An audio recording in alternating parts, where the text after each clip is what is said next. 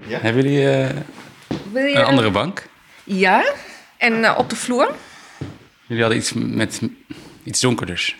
Groen gras. Groen gras. Voorjaar 2022. Dat kon weer. Absoluut. Ja, dat ga ik eh, straks vertellen. Het gaat goed. Mooi. Ja, en ons andere bank was eh, totaal versleten, maar we durfden toen niks uit te geven. Maar de omstandigheden zijn veranderd.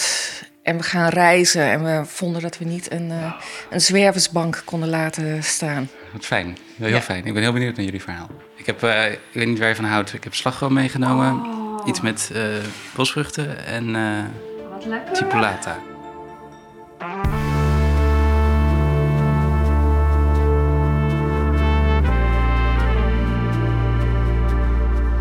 Hoe beleefden zij de coronacrisis? Utrechters met een kwetsbare arbeidsmarktpositie. Hoe verging het hen financieel en emotioneel? En welke hulp kregen ze? Of kregen ze niet? Ik ben Maarten Dallinga en samen met Hugo Verkleij maakte ik voor RTV Utrecht de vierdelige podcastserie Broos. Sinds het begin van de coronacrisis, voorjaar 2020, volgden wij vijf Utrechters. Dit is wat zij meemaakten. Aflevering 4, de laatste. Het einde van de tunnel. Ik neem jouw deel wel. Ik wil chocolade. Ik ben een laatste keer thuis bij Donna en Paul. Zitten we dan weer? Met gebakken en thee erbij. Ja, want we hebben wat te vieren. Eigenlijk, toch? We hebben wat te vieren. Er is nogal wat gebeurd. Donna en Paul hebben hun bedrijf beëindigd. Ik denk niet dat je dat hebt meegekregen dat we een flat hadden in Overvecht die we aan een student vuren. En dat hij het wilde kopen. Nee. Oké, nou dat was eh, ons mazzeltje. Hij woonde daar sinds dat we het gekocht hadden, dus heel veel jaren. En op een gegeven moment krijg ik een telefoontje of hij de flat mocht kopen. Dus we hebben het aan hem verkocht voor een zeer goede prijs. Ja. En daardoor konden ze afrekenen met de Belastingdienst. Want dat moet je als je je bedrijf stopzet. En nu ziet hun financiële toekomst er ineens een stuk rooskleuriger uit. Eh, maar ik ben blij dat we toch die stap hebben gedaan. eh, omdat de coronacrisis ook geleerd heeft wat de voordelen zijn om je leven wat eenvoudiger te hebben. We beginnen in India, in eh Calcutta. In september gaan Donna en Paul op wereldreis. Alsnog. Hun grote droom. Dan gaan we door naar Darjeeling, naar de, Van de, Noord? van de van de thee. Himalaya, Himalaya, naar de thee. Is het uh, chipolata? Ja, daar zou ik er graag eentje van willen. Hoeveel wil je totaal? Drie. Ik ben Ja. bij de bakker in Baren. Om een taartje te kopen voor Jacqueline. Ja, dank u wel. Zelfde dag. Groot bord te huur. De winkel is inmiddels nagenoeg leeg.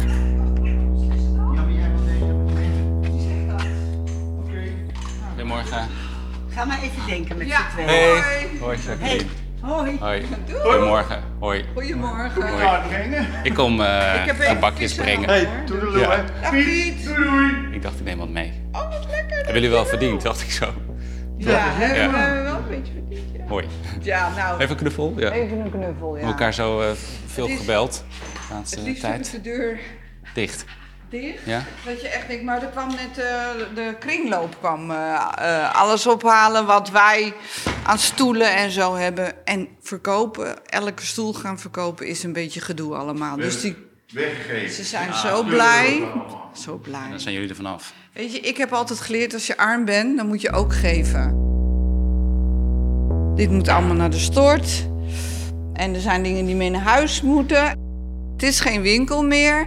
Het is nu heel armoedig en dat je echt denkt... ik wil het zo snel mogelijk nu klaar hebben en leeg hebben... maar we gaan nu, de rest is eigenlijk allemaal nu afval. Ik heb voor mezelf zoiets nu... even niemand. Deur dicht, even niemand. Ik kan Als heel- gordijnen hadden gehangen, dan had je die het Ja. liefst dicht gedaan. Omdat mensen zijn natuurlijk heel nieuwsgierig, maar je, je, je bent druk. En dan gaan ze vragen waarom dan. En ook die, jongen, die mannen net van de kringloop, die gingen ook helemaal vragen... wat ga je dan doen hierna? Dan denk ik, ja, weet je, dat, ben ik allemaal, dat weet ik allemaal nog niet. Dat, dat, dat, het is allemaal heel snel gegaan, dus... Met wat voor gevoel sta je hier nu op deze ochtend? Pijn in mijn buik. Ja? Ja, ik voel me nu... Nu wil ik eigenlijk gewoon, dat is wat jij zegt, niemand je ziet. En eigenlijk dat ik er ook niet zou zijn. Ja, eigenlijk ook. Ja. Maar ik weet wel dat dit het juiste moment is dat je er bent. Yo, Hey, hallo. En dan Leroy. gozer. Hoe gaat het nu met hem? Eigenlijk heel goed. En, eh, ik ben eh, als DJ weer aan de slag. Ik eh, doe goede dingen. Ik heb een fijne ouderschap die redelijk goed werkt met mijn ex. Mijn kinderen zijn happy en gelukkig en, ge- en gezond. Ik heb een hele fijne vriendin. Heb je vriendin? Ja, ja, ik heb een... eh, ja, Ook met Leroy eet ik een taartje. In Amelisweert. We gaan er met zijn auto naartoe. Wie heb je het meeste steun ervaren? Nou, van mijn familie en eh, van mijn directe familie en, eh, en mijn vriendin. Dus eh, dat is wel echt. Die, hebben wel echt, die waren echt wel gewoon als een soort rots in de branding, zeg maar. Dat was het echt helemaal eh, sideways ging, dan, eh, dan waren ze er ook gelijk weer. Dus dat was, wel, dat, dat was echt wel, eh, wel gewoon. Ik zonder hun had ik het echt niet, niet kunnen bolwerken, zeg maar. Zowel eh, financieel niet als, als mentaal niet, zeg maar. Heb je ook wel eens anders voorgedaan, beter voorgedaan dan je voelde op zo'n moment? Ja, nou, misschien maar gewoon mijn vermand, zeg maar. Dat ik Ja. dacht van, ja, nu kan het even niet. Ik moet gewoon... eh, ik moet gewoon... eh, de, de- ik moet gewoon koken of zo, zeg maar. Dus dan denk ik, ja, weet je, ik kan, ik kan nu wel gaan lopen, lopen, gaan lopen kloten of gewoon eh, sippen. Maar daar heb, je, daar heb je niks aan. Ik moet gewoon... Door. ja, ik moet uiteindelijk gewoon, weet je, er moet ook een, wat eten op tafel staan. En uiteindelijk ook, ik bedoel, ook, daar, ook dat leer je dan, een keer de focus zeg maar, neer te leggen op het feit dat je denkt van, eh, nou ja, van, eh, van, van, van dit, is, dit is nu belangrijk. En, en hielpen je kinderen daarmee ook jou dan soms weer uit die sippigheid? Doordat je gewoon door moest? Ja, nou weet je wat, eh, ik- het voorbeeld dat ik nu, ik, dit is al een tijd zo. Ik bedoel, het is gewoon super leuk om dan, ik heb, dus ze komen bij mij, we eten samen met, z'n drieën wat. En dan, en dan gaan we naar de woonkamer en dan eh, kijken we met z'n drieën Sesamstraat. Gewoon met z'n drieën op de bank tegen elkaar aan. Elke avond weer. Bedoel, dit soort dingen, dat is gewoon waar je het dan voor doet. Het is gewoon zo gezellig. En dan zie je de, die jongens die met een enorme grote lach naar je kijkt altijd wijst naar het dekentje dat er over ons heen moet. Ook al is het buiten, ook al is het 25 graden bij wijze van. En dan eh hele, de echt de grootste lach die ze heeft, komt mijn kant op. Ze vinden dat zo gezellig. En dan zitten we met z'n drieën daar en denk ik, ach joh. Ik bedoel, veel mooie kant dan eigenlijk ook niet.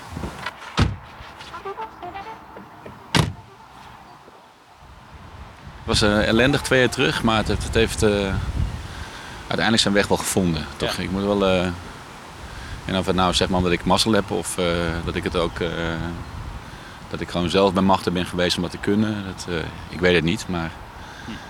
Ik heb in ieder geval dat ik, dat ik denk van... eh, het is wel goed gegaan eigenlijk.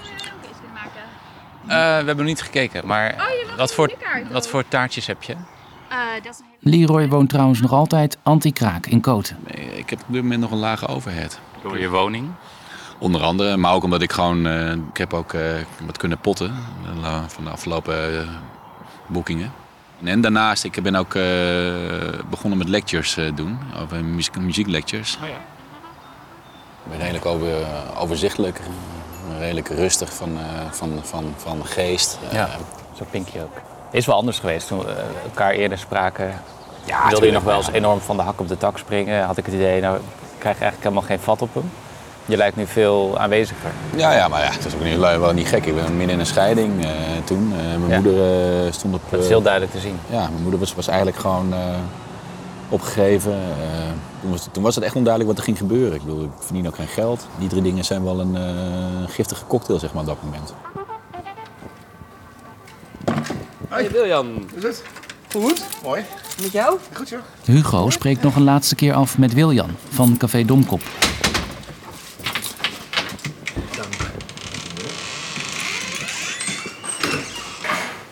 Je bent heel diep gezeten hoor.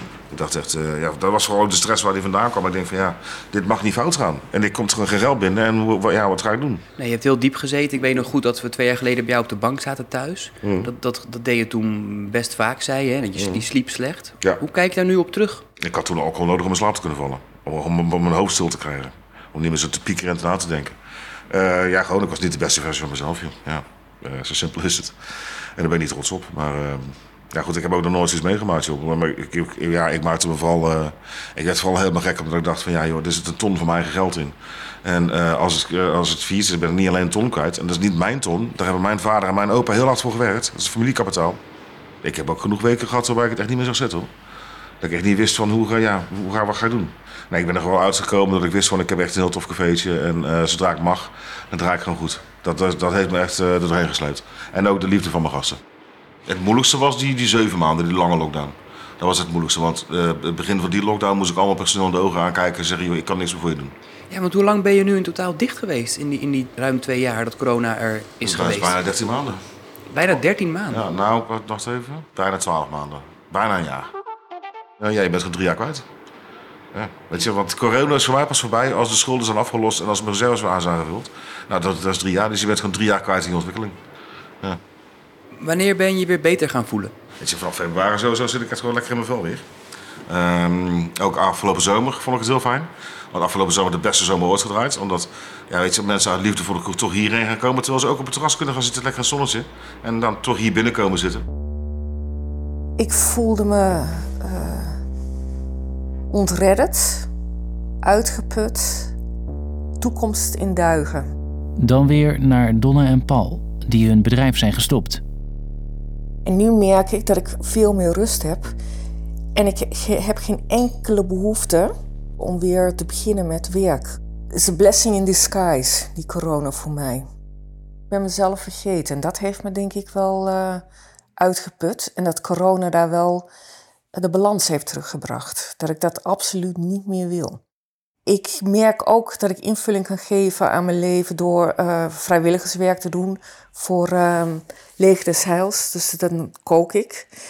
En uh, vluchtelingen van Oekraïne op station opgevangen. Hm. Dus ik denk, nou, als ik wil, kan ik heel veel zinvolle dingen vinden in mijn leven. En dat je dus je vaardigheden niet meer in kan zetten op een of andere manier. Dat vond ik heel confronterend. Dat vond ik echt ook schokkend om te merken hoe, zeer, hoe belangrijk dat voor me was. En waarbij ik me dan ook wel ging realiseren van... Ja, maar ja, het kan toch niet zo zijn dat ik alleen maar happy ben als ik werk. Dus ik heb wel iets om over na te denken... Uh, wat mijn leven dan eigenlijk is vrienden van ons die zeiden, ja, fijne lege agenda en nu kan ik allemaal dat doen en dan kan ik dit doen. Maar zo, ik ben de beste wil van de wereld, zo kon ik het de eerste maanden absoluut niet zien. Absoluut niet. Corona heeft me geleerd dat ik, uh, zeg maar, de belangstelling voor zoveel dingen, die is zo groot. Dus ik ben gaan wandelen en ik heb ongeveer 100 muurschilderingen in Utrecht gefotografeerd. Die ik per toeval kwam ik weer eentje tegen. En eh, uiteindelijk had ik er 100 in Utrecht. Dus ik, ik, merk gewoon dat ook als ik een zeeën van vrije tijd heb, dan zijn er genoeg dingen om te doen. Er is meer in het leven dan werk, heb je ontdekt. Ja, en dat is natuurlijk dat is een hele platte, uh, uh, directe benadering. Maar, en dat weet je natuurlijk ook wel dat dat zo is. Maar ook iets waarbij, waarbij ik het dan zelf ook zinvol ervaar. Een inzicht wat echt ontstaan is, is dat minder ook heel goed kan zijn. Je werkte, werkte, werkte en je nam nog steeds meer werk. En de hele omgeving zei: Paul, stop. En Paul stopte niet. Door corona is Paul gestopt. Is toch een andere man, uh, heb ik voor terug. Je bent rondleidingen gaan doen. Ik ben uh, dus je hebt je verdiept uh, in de geschiedenis van Utrecht. Ja, ik heb al aardig wat rondleidingen gedaan in, in Utrecht voor buitenlandse gasten. En dat vind ik fantastisch om te doen. En wat is er gebeurd met al die spullen die ik toen heb gezien in je tijdelijke kantoortje op dat industrieterrein? Uh, die, die staan er min of meer, uh, uh, die staan er min of meer nog. Het is daar wat Op dezelfde plek? Op dezelfde plek. Uiteindelijk heb ik daar nooit gewerkt. dus dat was meer een soort reddingsboei, denk ik, zoals je het zelf ook omschreef al. Van helemaal niks meer hebben, nu heb ik iets. In die opslagruimte, dat is mijn museumpje, zou ik maar zeggen. Ja. Daar wil ik ook nog wel iets mee, mee doen. Maar voor de rest alles eigenlijk op te pakken. En inderdaad zo ook weg te gooien. Nu is Ja? ook inderdaad... Ja, ja, dat- ja. Ja. Yay! Zie je het gebeuren? Ja, niet, niet alles, maar heel, wel heel veel, zeg maar. Ik denk op een gegeven moment ook afsluiten. Ja. Het is je werk geweest. Het is, Nee, dat is... Dat is maar misschien zie ik dat Nee, te nee. eenvoudig, maar Het is niet mijn werk geweest, dat is niet zo. wat is het geweest voor je dan? Mijn levensdroom. Echt waar? Ja, natuurlijk. Oké, zo heb ik het nooit. En dit wist je niet, Donna. Ja, niet op die manier. Jacqueline in Baren. Als je kijkt nou naar eh, hoe jullie de winkel hebben bestierd, hoe jullie het hebben gedaan, heb je het idee, eh, we hebben het maximale gedaan om Ja. te overleven? Ja, en, het- en, en, en dan wordt er natuurlijk heel vaak gezegd: waarom, ga je, waarom gaan jullie niet op internet dan? En dan denk ik ook: het is zo simpel gezegd: een website maken. Nou, dat kostte al in één keer 1000 euro toen we net begonnen. Toen dacht ik echt: wow, waar haal ik het vandaan? We begonnen met 0 euro. Dus het lijkt zo simpel: van waarom doen jullie dan niet een website? Nou, Zo'n investering konden jullie niet doen, zeg je. nee, Waar ging het nou precies mis met de herenkledingzaak? Dat we ook nog corona kregen. Dus die betaalafspraken die werden steeds lastiger. En op een gegeven moment konden we die betaalafspraken niet meer nakomen. En werden Waardoor- de schulden groter. werden de schulden groter. Dus dat corona heeft eigenlijk roet in het eten gegooid wat betreft gewoon die betaalafspraken die we Dat hadden. was een nekslag. Ja, Met de beëindiging van de winkel is het nog niet klaar voor Jacqueline. Nog lang niet waarschijnlijk. Een faillissement is als je een BV hebt anders. Want dan ben je gewoon helemaal klaar en dan worden alle schulden worden kwijtgescholden. Maar als je een VOF hebt, dan zit je gewoon privé nog helemaal gewoon met die schulden die je hebt staan. Nou, ik vind dat heel moeilijk om te zeggen. Eh, er is één leverancier die heeft eh, beslag gelegd op ons huis. En ik ben getrouwd, maar mijn man heeft natuurlijk niks te maken met de zaak. Dus de helft van het huis is van hem. Ze kunnen je wel dus dwingen dat je dat je, je huis moet verkopen. En dan gaat de helft naar mijn man. Maar de andere helft moet ik mijn deel van de overwaarde eventueel... moet ik dan afstaan voor de schuldeisers. Het is ook niet een heel hoog bedrag. We zouden het bij wijze van spreken, als we willen... zouden we nog kunnen zeggen van... we halen daar wat geld vandaan en we betalen het. Maar dat mogen we sowieso niet, want we zitten in de schuldhulpverlening... en we hebben meerdere schuldeisers. Ik kon laatst niet op het woord komen, maar dat hangt als een zwaard van Damocles. Damocles, hè? Boven je hoofd. En op zich, ik, ik snap helemaal een situatie natuurlijk dat je als je van iemand geld te goed hebt. Maar ehm, kijk, zij kennen je privésituatie natuurlijk helemaal niet. Maar wij hebben natuurlijk dat, dat schuldhulpverlening traject zijn we ingegaan. Want dat zij alles voor je regelen. En dan ga je een lening aanvragen. En van die lening, daar wordt dan naar gekeken van dat gaan we verdelen over al die schuldeisers. Hier gaat het over die 12.000 euro. Het krediet dat Jacqueline en haar zakenpartner van de gemeente kregen. Idee was om dat te verdelen over de schuldeisers. Maar de schuldeiser die beslag heeft gelegd op Jacqueline's woning gaat niet akkoord met aflossing van slechts een klein deel van de schuld. De schuldeiser wil meer. Wij hebben niet anders. Dit is, dit is wat we kunnen. Ik bedoel, wij komen op straat te staan. Wij hebben geen, we geen huis meer. Eh, wij moeten dan een huis gaan huren. Dat kunnen we niet eens betalen, want alles in de vrije sector is voor ons onbetaalbaar. Dus, dus het is gewoon, daar denken hun allemaal niet over na. Want ze kunnen je dus dwingen om je huis uit te gaan. Mijn man ook. En ik zou niet weten waar we dan heen moeten. Ja, nou, dan ga ik nog liever dood. En dat klinkt heel heftig. Maar zo denk ik erover. Natja Jungman, lector schulden en incasso aan de Hogeschool Utrecht, over de kwetsbaarheid van mensen als Jacqueline.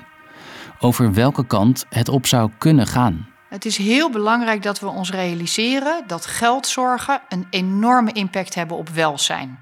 En welzijn in de brede zin van het woord, zowel hoe het fysiek met je gaat als hoe het psychisch met je gaat. Je voelt zorgen, je stresssysteem gaat aan En als je stresssysteem te lang aanstaat, dan heeft dat een aantal doorwerkingen. Mensen gaan vaak bij de dag leven, hebben meer moeite om in actie te komen. Wat je ook ziet is dat mensen gaan duiken, de realiteit buiten de deur proberen te houden. Chronische stress maakt mensen de slechtere variant van zichzelf. Mensen doen niet meer datgene wat eigenlijk juist in deze context nodig is. Je moet bovenop je administratie zitten, maar je maakt de brieven niet meer open.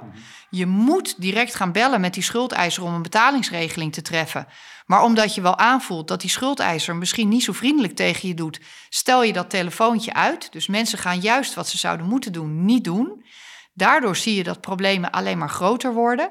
Mensen raken de regie kwijt. En als je eenmaal de regie kwijtraakt en je gaat je in die zin ook terecht hulpeloos voelen, ja, dan zie je dat er zelfs risico's zijn dat er op een gegeven moment mensen gedachten krijgen aan suïcide.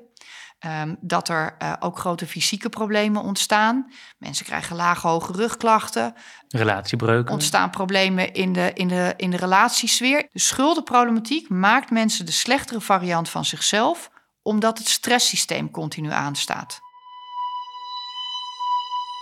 Hoe was je vakantie? Ja, nou ja, dat was natuurlijk helemaal fantastisch, want de, de meeste mensen vragen zich... Jacqueline is, als ik haar spreek, net terug van vakantie in Griekenland.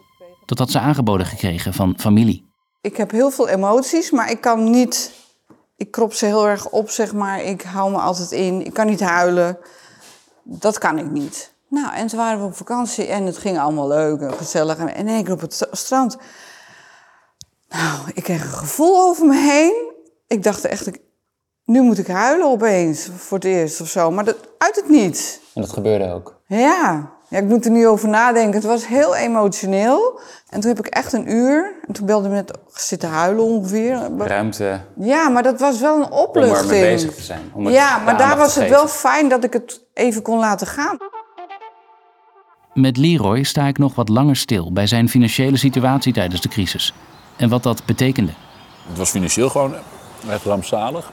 Nou ja, ik bedoel, als je gewoon geen geld hebt, echt geen geld, gewoon echt aan je laatste 25 euro zit. Dus niet alleen geen inkomen, maar had je ook niks meer of vrijwel niks meer op je spaarrekening? Nee, dat is helemaal doorheen gegaan. Uh, in, Stond je in, rood? in het jaar daarvoor. Uh, toen wel, ja. Ja, ik moest wel geld lenen om gewoon aan de huur te betalen. Of uh, van mijn vriendin of van, of van mijn familie. Ja, ik moest gewoon weer helemaal opnieuw beginnen. Ja. En, twee kinderen en ik had, een, ik had een, echt letterlijk een bank en een tafel. Ja, dat is wel even wat ik dacht van, dit is echt wel echt verschrikkelijk. Ik bedoel, en, uh, dat heb ik wel even op dat moment, vooral dat was toen ik net wegging, heb ik het wel even gevoeld. Ik dacht van, ja, dat is echt wel, uh, dat was ook natuurlijk net toen mijn moeder overleden was. De knockdown, zeg maar. Dat ik echt... Uh, Je was er niet? Nee. Ik weet nou dat er een, wat er was, ik vond hem, er was iets gebeurd, ik weet niet meer wat het was. En, maar ik, was me, ik vond hem echt kut. En ik heb de hele dag binnen gelegen, gordijnen dicht. Ik wil echt gewoon depressief. En wat deed je dan die dagen? Ik, ik heb gewoon een film gekeken en ik zat voor me uit te staren. En, uh, ik had geen, totaal geen energie, nul. Wat dat betreft is het allemaal best op zijn pootje terechtgekomen. Ja. Toen zei me eigenlijk gewoon wel hoe, hoe veerkrachtig ik zelf gewoon ben. Hoe snel ik zeg maar gewoon mezelf weer op de rit weet te krijgen. Wil je eens beschrijven hoe Paul is veranderd sinds het begin van de crisis? Ik vind dat hij uh, meer in, in, je, in je zijn, ook meer in het luisteren, in, de, in contact en communicatie. Hij is aanweziger. Hij is zeker aanweziger, voor mij, maar ook voor je omgeving. Ja, ik denk ben je zo, ook ja. veel toegankelijker. Ja. Is het een leukere man geworden? Het is wel een, voor mij een makkelijkere man geworden. En is er dan ook meer uh, intiem contact, knuffelen bijvoorbeeld? Ja. Meer, het is eigenlijk meer uh, present zijn. Ja. Dat is zeg maar de corona-opbrengst ook, is dat je bewust, bewuster wordt wat het je inderdaad ook echt kost. Zeg maar het werk. Ja. En als het alleen maar door en door gaat, dan ben je er niet bewust van. Hoe is uh, Donna veranderd sinds het begin van de crisis, volgens jou, Paul? Daarvoor moest je jezelf heel erg uh, wegcijferen. En uh, liep je ook op je tenen. En ik denk dat je met de corona ook geland bent bij, uh, bij je lichaam. Van wat je beter weten wat je werkelijk nodig hebt. Je behoeften meer zelf gaan zien. En als je die behoefte aanboort, dat je ook intenser daarvan kan genieten. we hebben nooit corona gekregen. Maar dat je als het ware Nee, wij- wij een soort ziek bent geworden. En dat je daarvan hersteld bent en een, en een andere persoon bent geworden. Als ik het heel kort samenvat, is het eigenlijk zo. Door de coronakracht en schok zijn er dingen losgefrikt, zeg maar, die je misschien op een andere manier niet zo zou losfrikken. Mhm. En En sommige- ben je paden gaan bewandelen die eigenlijk heel goed bij je passen. Ja, Letterlijk. Le- letterlijk letterlijk zelfs. Letter- ja. le- letterlijke zin. Ja, het idee om alle straten van Utrecht één keer te lopen in mijn leven, bijvoorbeeld. Als, als, als, als, als uitdaging. Gedwongen eigenlijk inderdaad om iets anders los te, los te frikken, wat, ook, wat je ook bent. Ja. Mensen Ja, zeggen goede geld is niet belangrijk, maar als je een stabiele basis hebt, hebben wij nu gemerkt. We hebben altijd geldzorgen gehad met bedrijven. Soms jaren dat we niks verdienden en dan weer heel veel kon je het compenseren. Nou, dat bedoel ik. Ik bedoel, eerder was het ook niet mogelijk om op zo'n manier Nee, nee, te en, leven. en het is Eh, echt, nee, het is een, ook weer, sorry het woord bevrijding. Het geeft zoveel rust.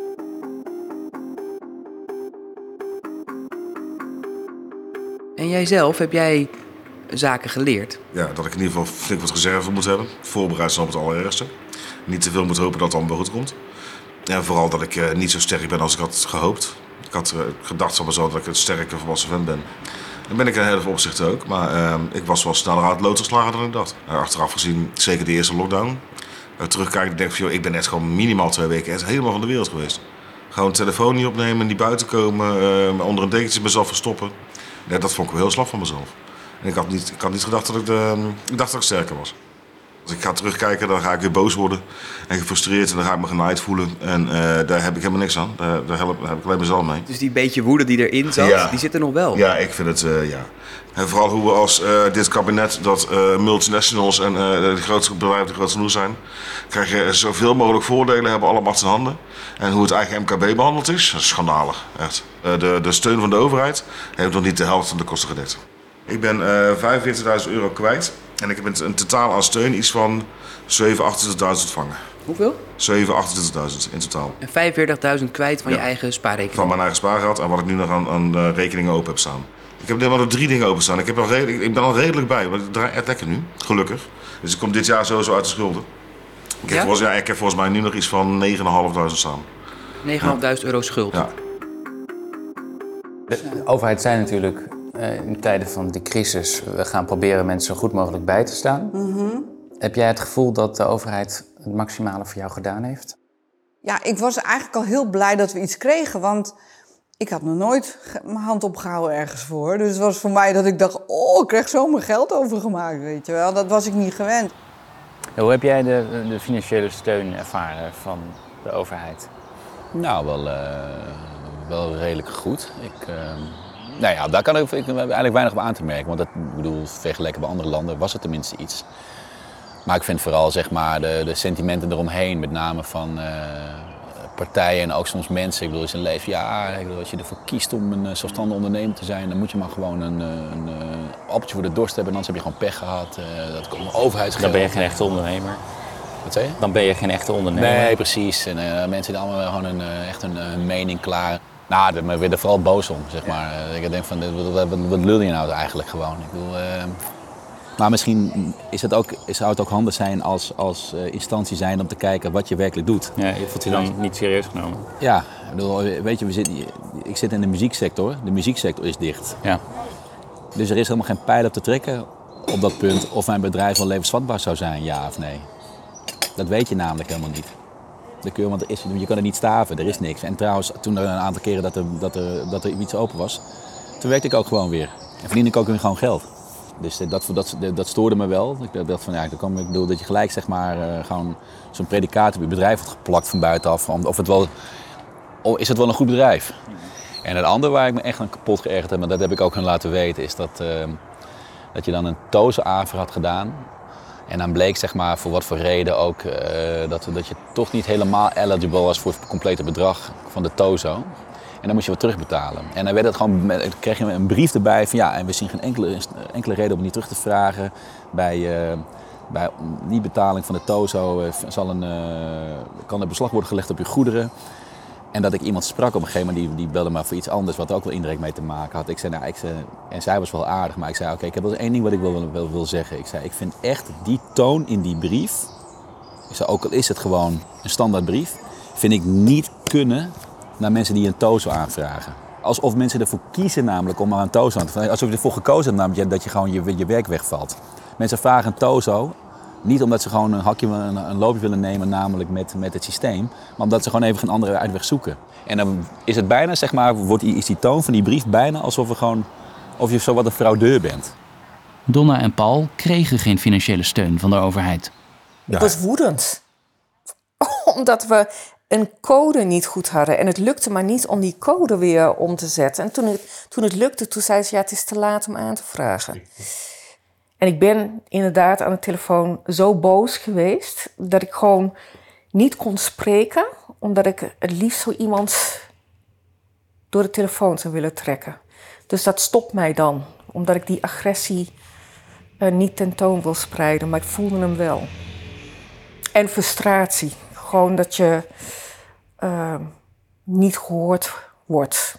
Ik heb die steunmaatregel zelf ervaren als, en ik denk meerdere mensen, als dat je de onbetrouwbare overheid, dat je met de ene hand iets geeft en met de andere hand zegt maar, maar, mits, uh, et cetera, et cetera.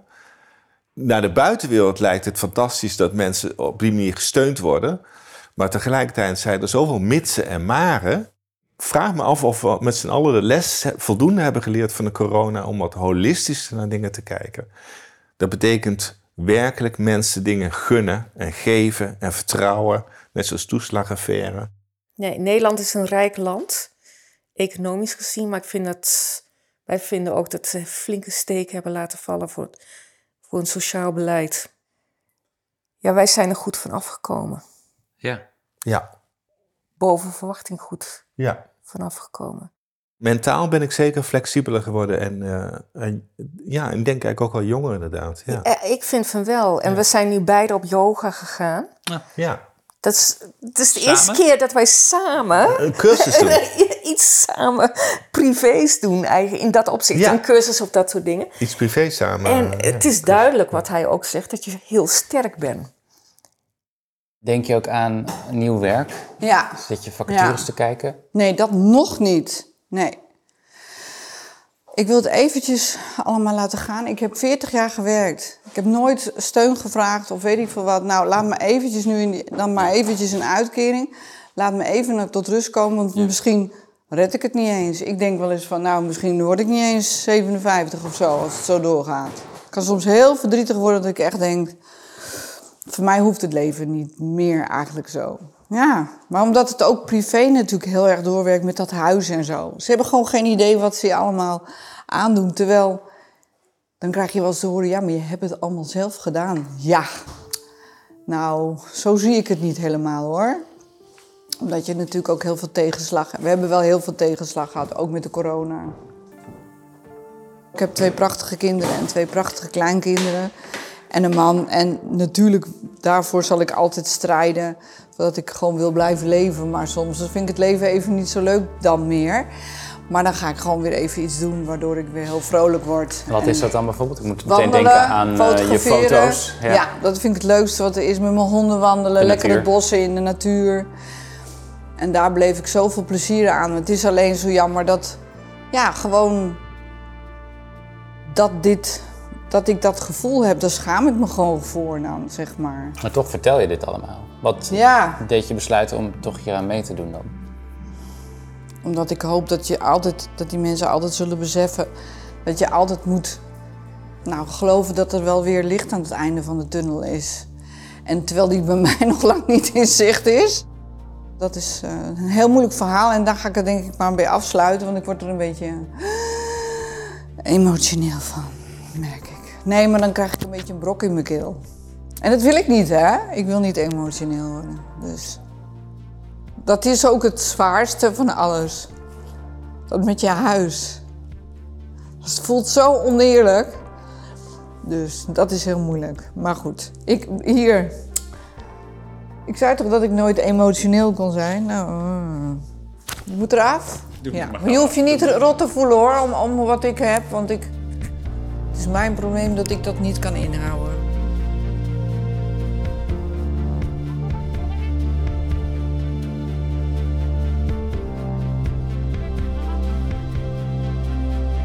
Je luisterde naar de vierde en laatste aflevering van Broos.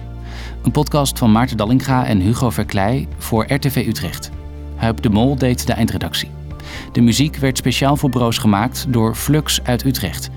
Bestaande uit Matthijs Duringhof, Gerben Klein-Willink en Bob Roos. Fren de Bruin creëerde het beeldmerk.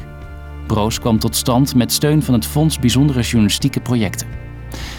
Bedankt Donna en Paul, Jacqueline en René, Leroy en Wiljan voor het delen van jullie verhaal. Volg Jacqueline trouwens op Instagram voor haar mooie foto's. Ze heet daar Jacqueline Bijleveld. Namens Hugo bedank ik Suzanne, zijn partner.